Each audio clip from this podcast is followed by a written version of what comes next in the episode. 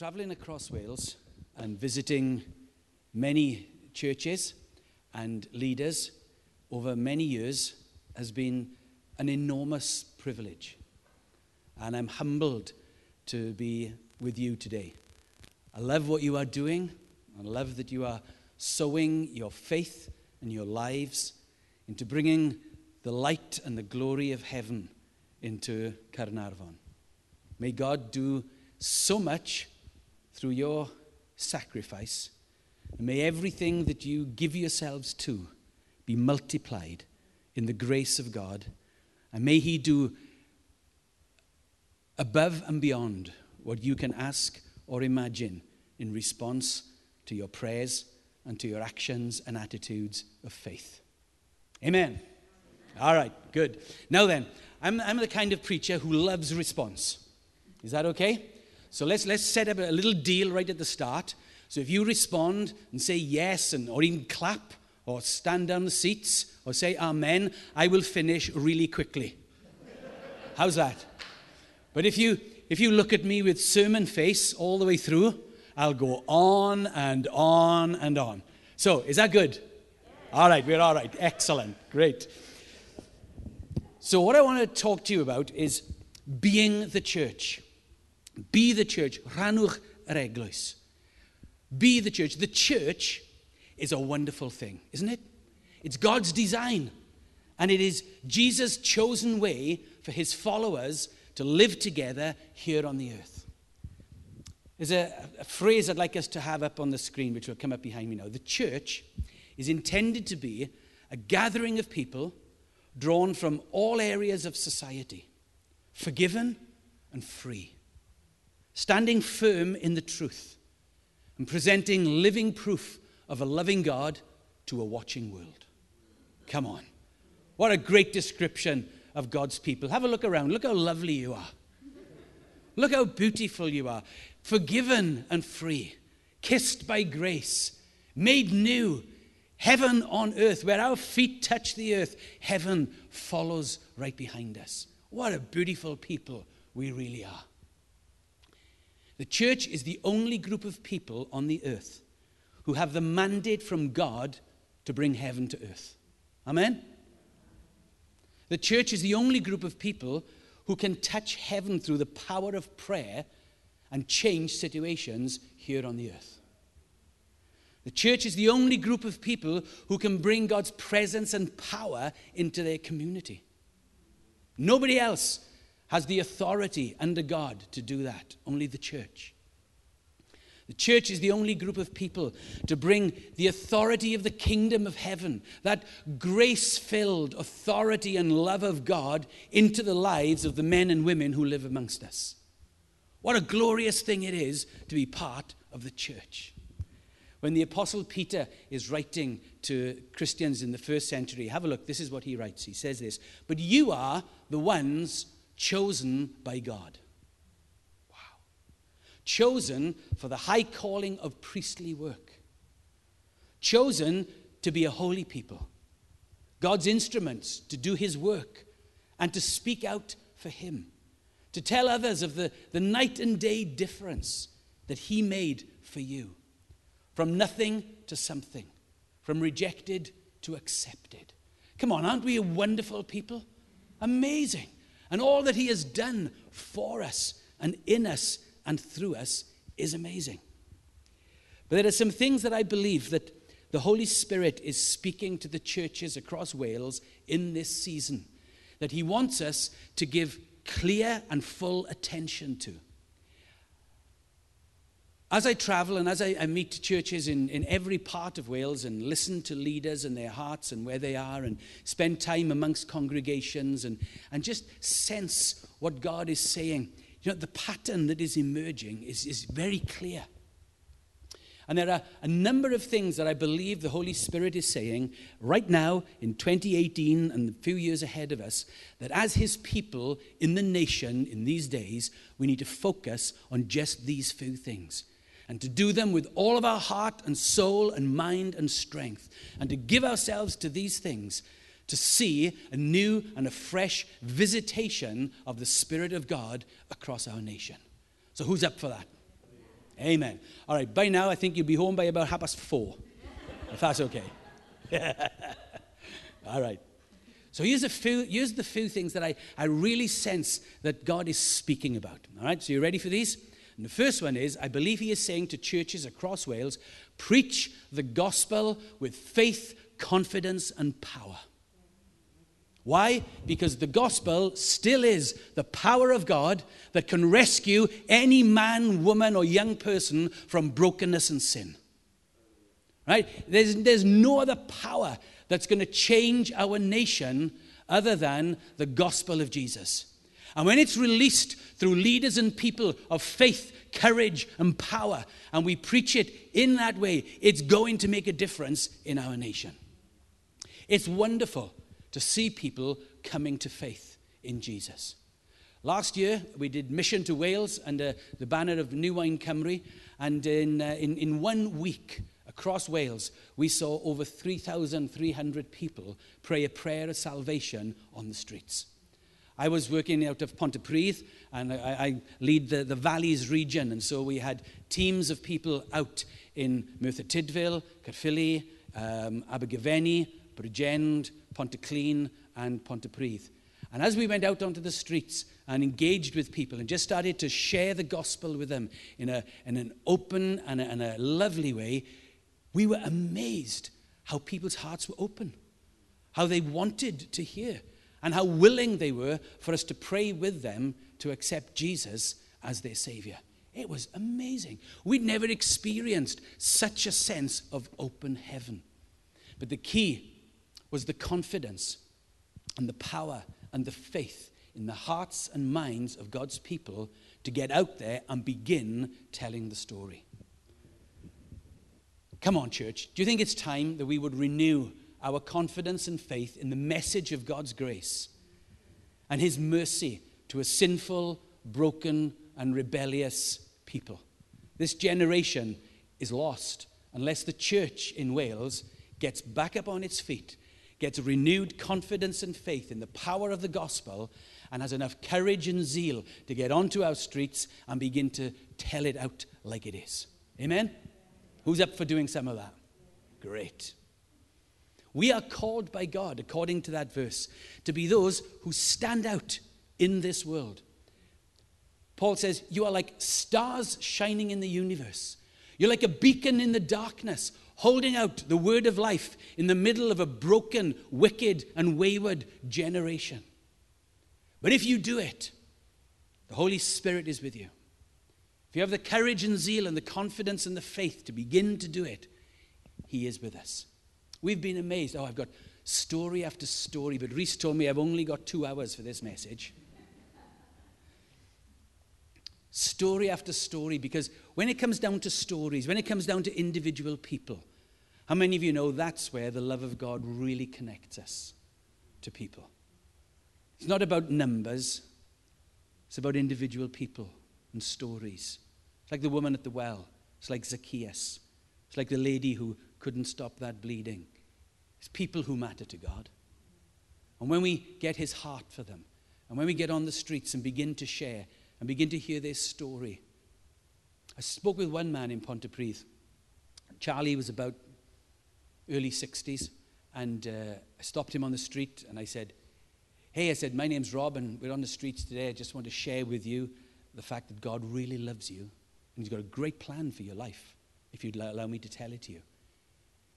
And he stopped and I started sharing just a tiny little bit. And he said, Well, he said, there is something I'd like God to do for me, but I know He can't. He said, I lost my wife three months ago. I'd love to have her back, but I know that's not possible. I said, No, Charlie, that's not possible. But I said, Could I pray for you that God would help your heart to heal really quickly?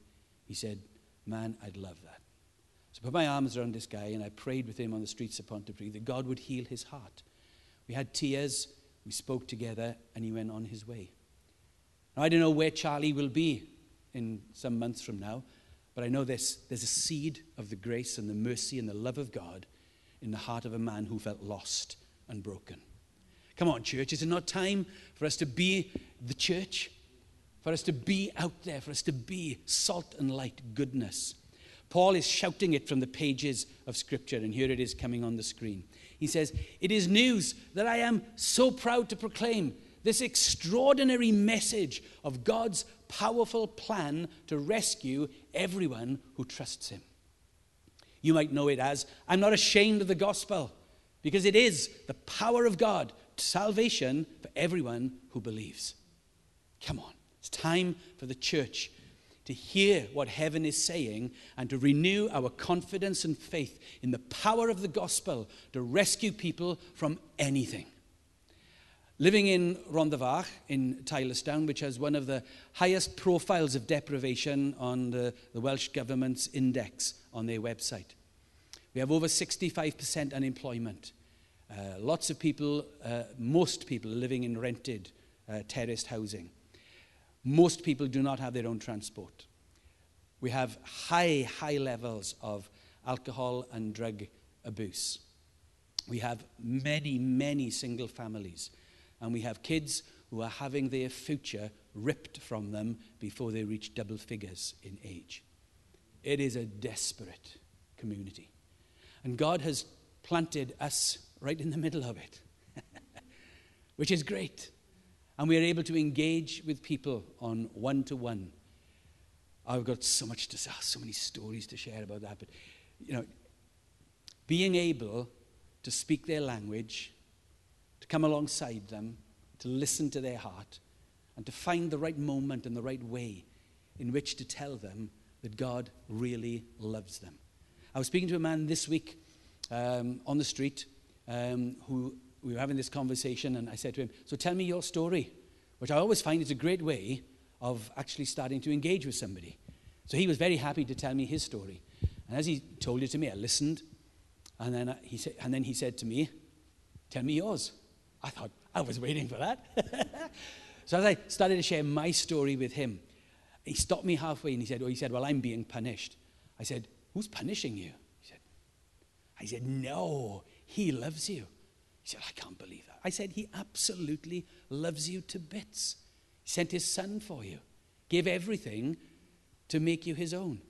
He said, I'm struggling to believe that. I said, Well, I'm going to pray that God will show you that this week. This guy was in an absolute mess. His life was upside down, he was in pieces.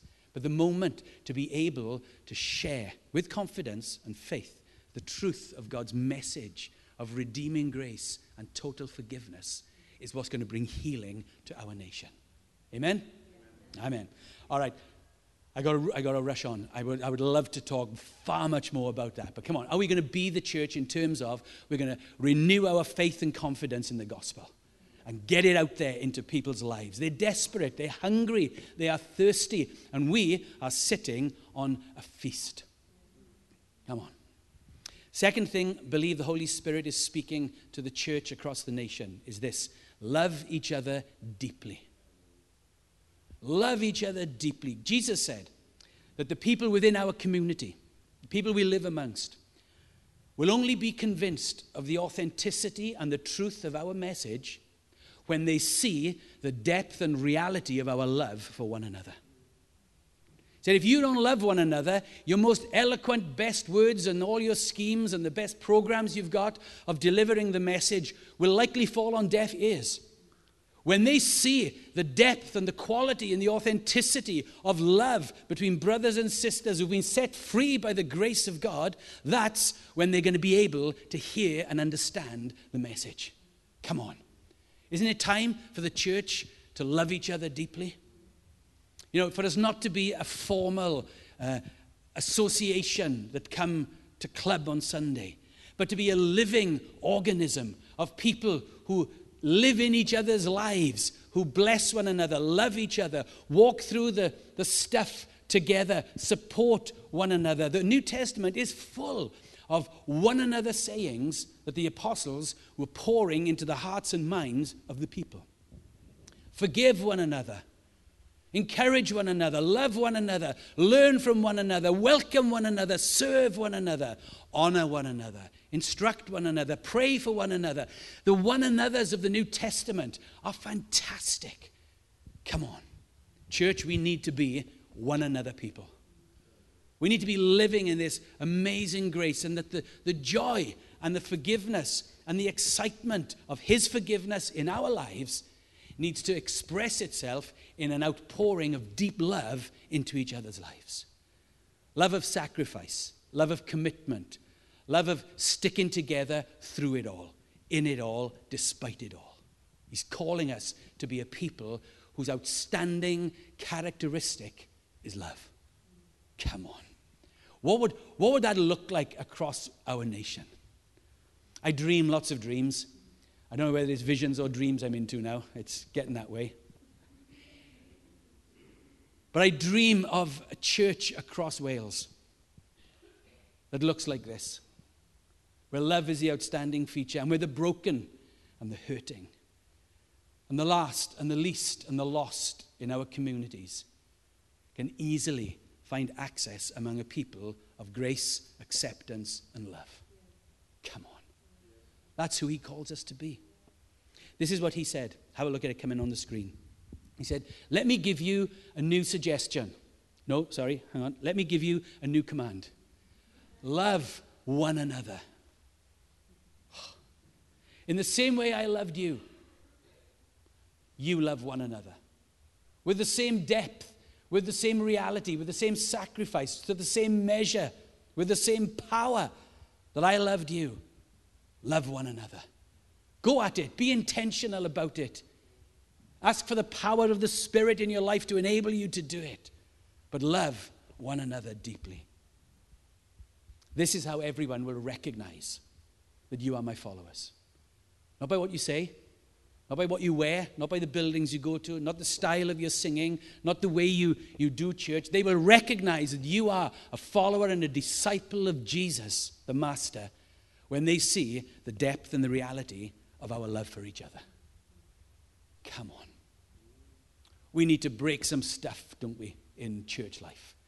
We need to start to be those who demonstrate this amazing love that heaven has poured into our lives and pour it out into each other's lives and into our community. Come on, let's pursue it. Let's go after it. In Psalm 133, it says this When God sees people living together in unity and in this heart and this spirit of love, I believe he finds the fragrance of that rising from the earth irresistible. He loves to be where people love each other. And if you want the, the indwelling presence of God amongst you, love each other deeply because He will inhabit that atmosphere. He always does, always has, and He always will. It's heaven on earth. Amen? All right. It could be five o'clock. It really could. Third thing I want to say to you that, that we believe that the Holy Spirit is speaking to the nation right now. And the third thing is this pray continually. Because prayer, a culture of prayer, will bring fresh enthusiasm, passion, and power into the life of the local church.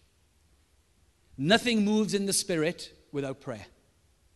Prayer is what will make the difference in our nation. Every move of God across the world in church history has been initiated by prayer and been sustained by prayer. And if we think we can do it without prayer, we are kidding ourselves.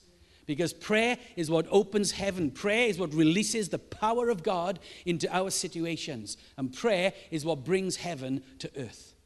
Prayer is what we need to rediscover, not in a, a, dry, dusty, formal way, but in a powerful, fresh engagement with God through the Holy Spirit where we can touch heaven and change earth. Come on. Who wants to be in that kind of prayer? In the last few years, we've set up the Cardiff House of Prayer. And uh, I've been instrumental in getting that off the ground. It's been about three and a half years now. And we meet often and regularly to call on heaven for the capital and for the rest of the nation. We gather intercessors. Throughout some seasons in my life, I've had the opportunity to be involved in creating a real um, foundation of prayer across the churches. For seven years, in a little town outside, or little village outside the north of Bridgend called Kevin Cribwr, uh, Cefn Cribwr is a sort of place where there's just this big ridge on the mountain. And they say if you can see the ridge, it means it's going to rain. And if you can't see the ridge, it's already raining. it's, it's that kind of place. but at Kevin Cribbo, right, we had a, an upstairs room about this size, which we called the prayer tower. And God called us into that, and we were in there almost seven years praying. Three times a week, we would be in there. Sometimes we were, oh gosh, maybe 80 people. Sometimes we were five. Some nights, the whole room was packed, shoulder to shoulder. They were down the stairs and in the car park. There was a real sense of God's power at work amongst us. During that season, we saw many people come to faith in Jesus. We saw the church quadruple in size. We saw some miracle healings take place. We saw crime figures plummet. We saw families come back together. It was amazing. Prayer changes things. Prayer releases the power of God into our situation. changes the spiritual atmosphere, changes our hearts, changes our expectation levels, changes our determination, changes our perspectives. A regular rhythm of prayer in the life of a local church, I guarantee you, will release spiritual power amongst us and create a, a vibrant spiritual atmosphere in which we can live. That's an exciting place to be, isn't it? When you come to church and you think, I wonder what's going to happen today.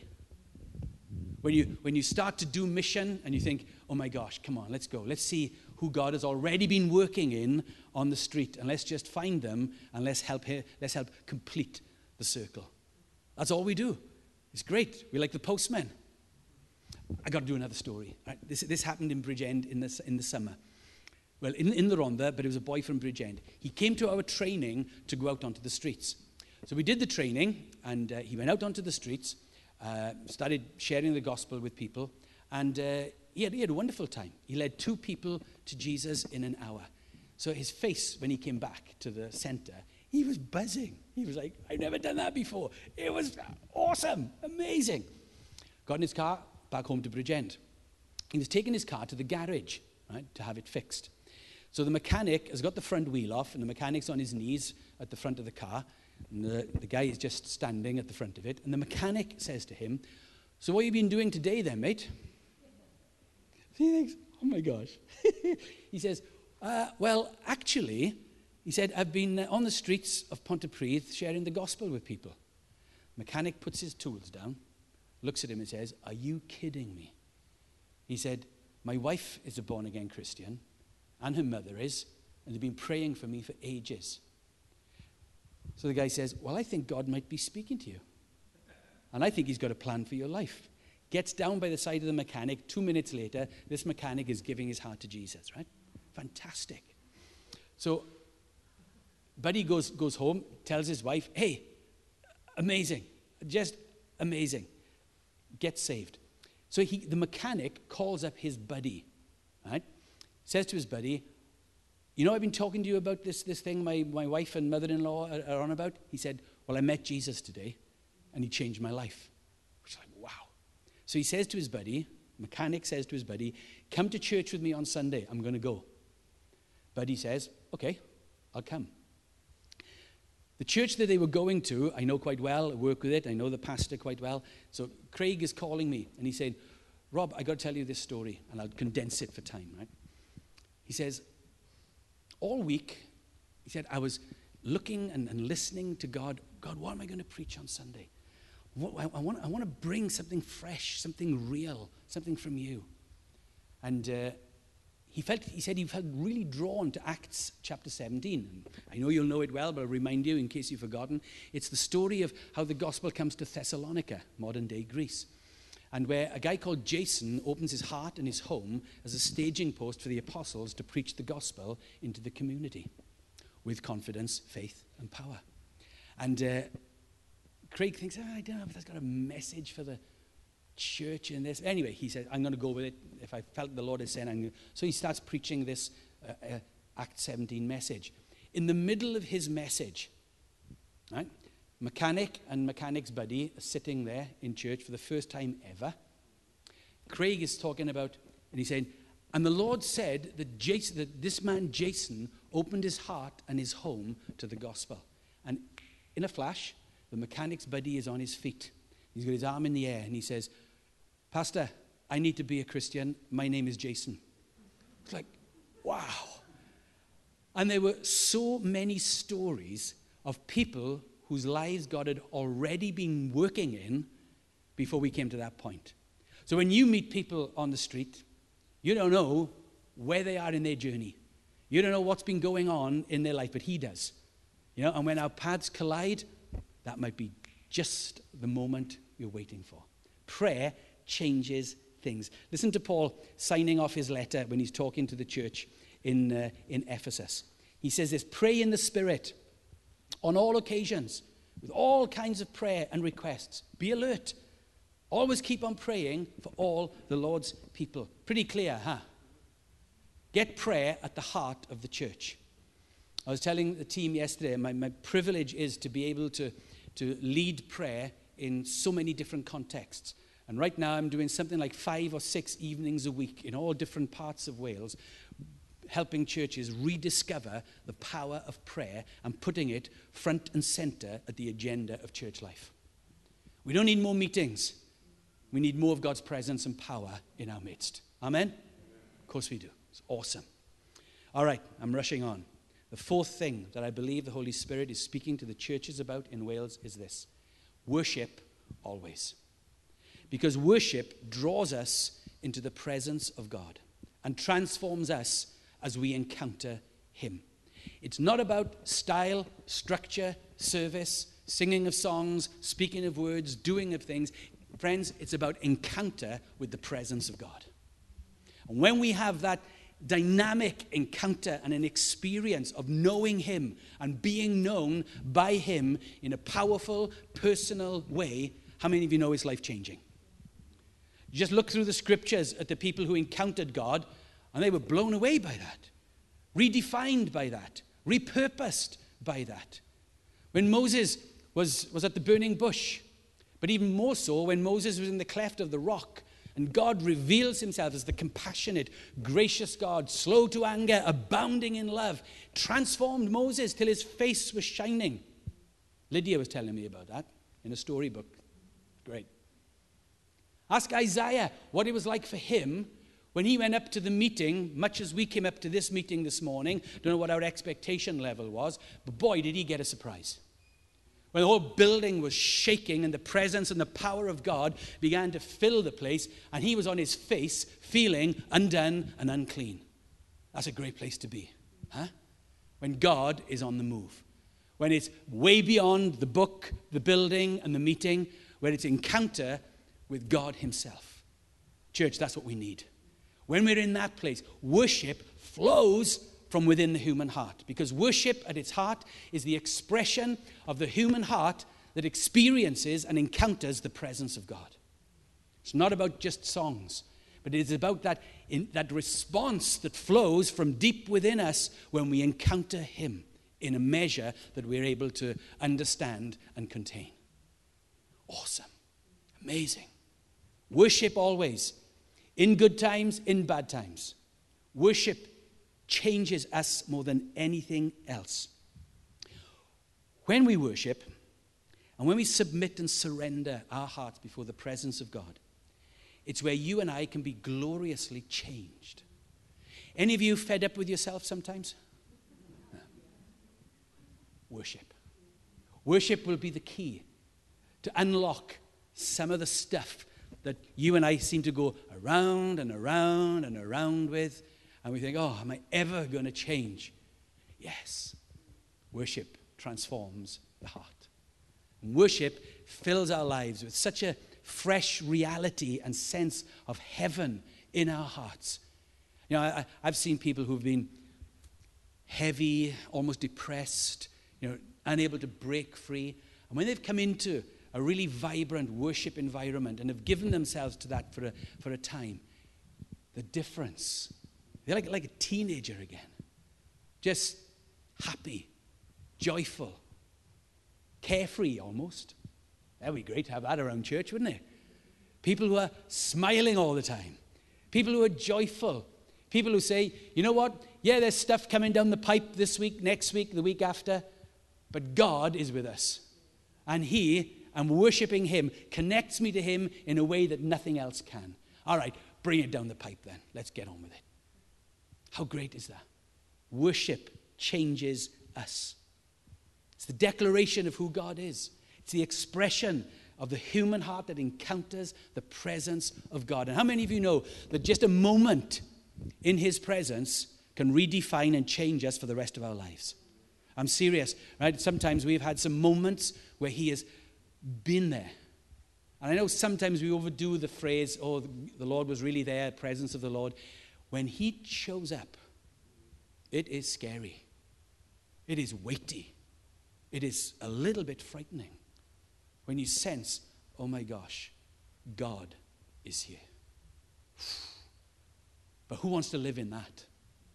I'd much rather live with my face to the ground, pouring my sins out for forgiveness, than walk through months, if not years, of stale, boring meetings.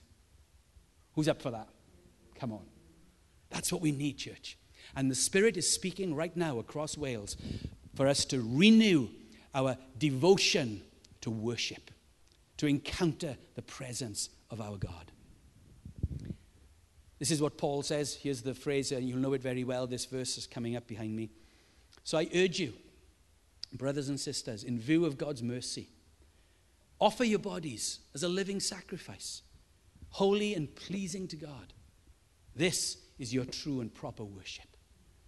Be worshippers, first and foremost. Extravagant, abandoned worshippers who don't care what anybody else thinks about the way we engage with God in joyful worship. Come on. What would a church full of people like that do to Carnarvon? Make a difference, huh? You know, it would bring a bit of heaven to earth, wouldn't it?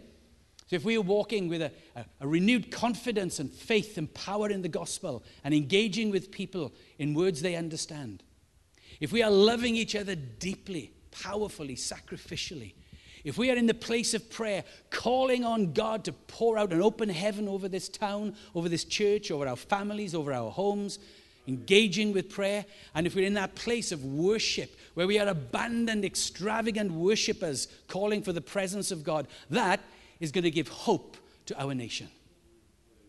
And I dream of church right across Wales that looks like that. And I'm working to see church just like that right across Wales. But there's one more thing he's speaking about. One more thing to add to the mix of that. And it's this it is to serve your community, to give yourselves to those who are broken, to serve your community with faith, with grace, with love, compassion, with mercy, with no judgment in our words or our attitudes or our actions. What a difference that's going to make in a community. Jesus said this. Have a look at this verse coming up here. He said, So let your light shine before others, that they may see your good deeds and glorify your Father in heaven. It's tucked away there in the Sermon on the Mount, but it is the key to community transformation.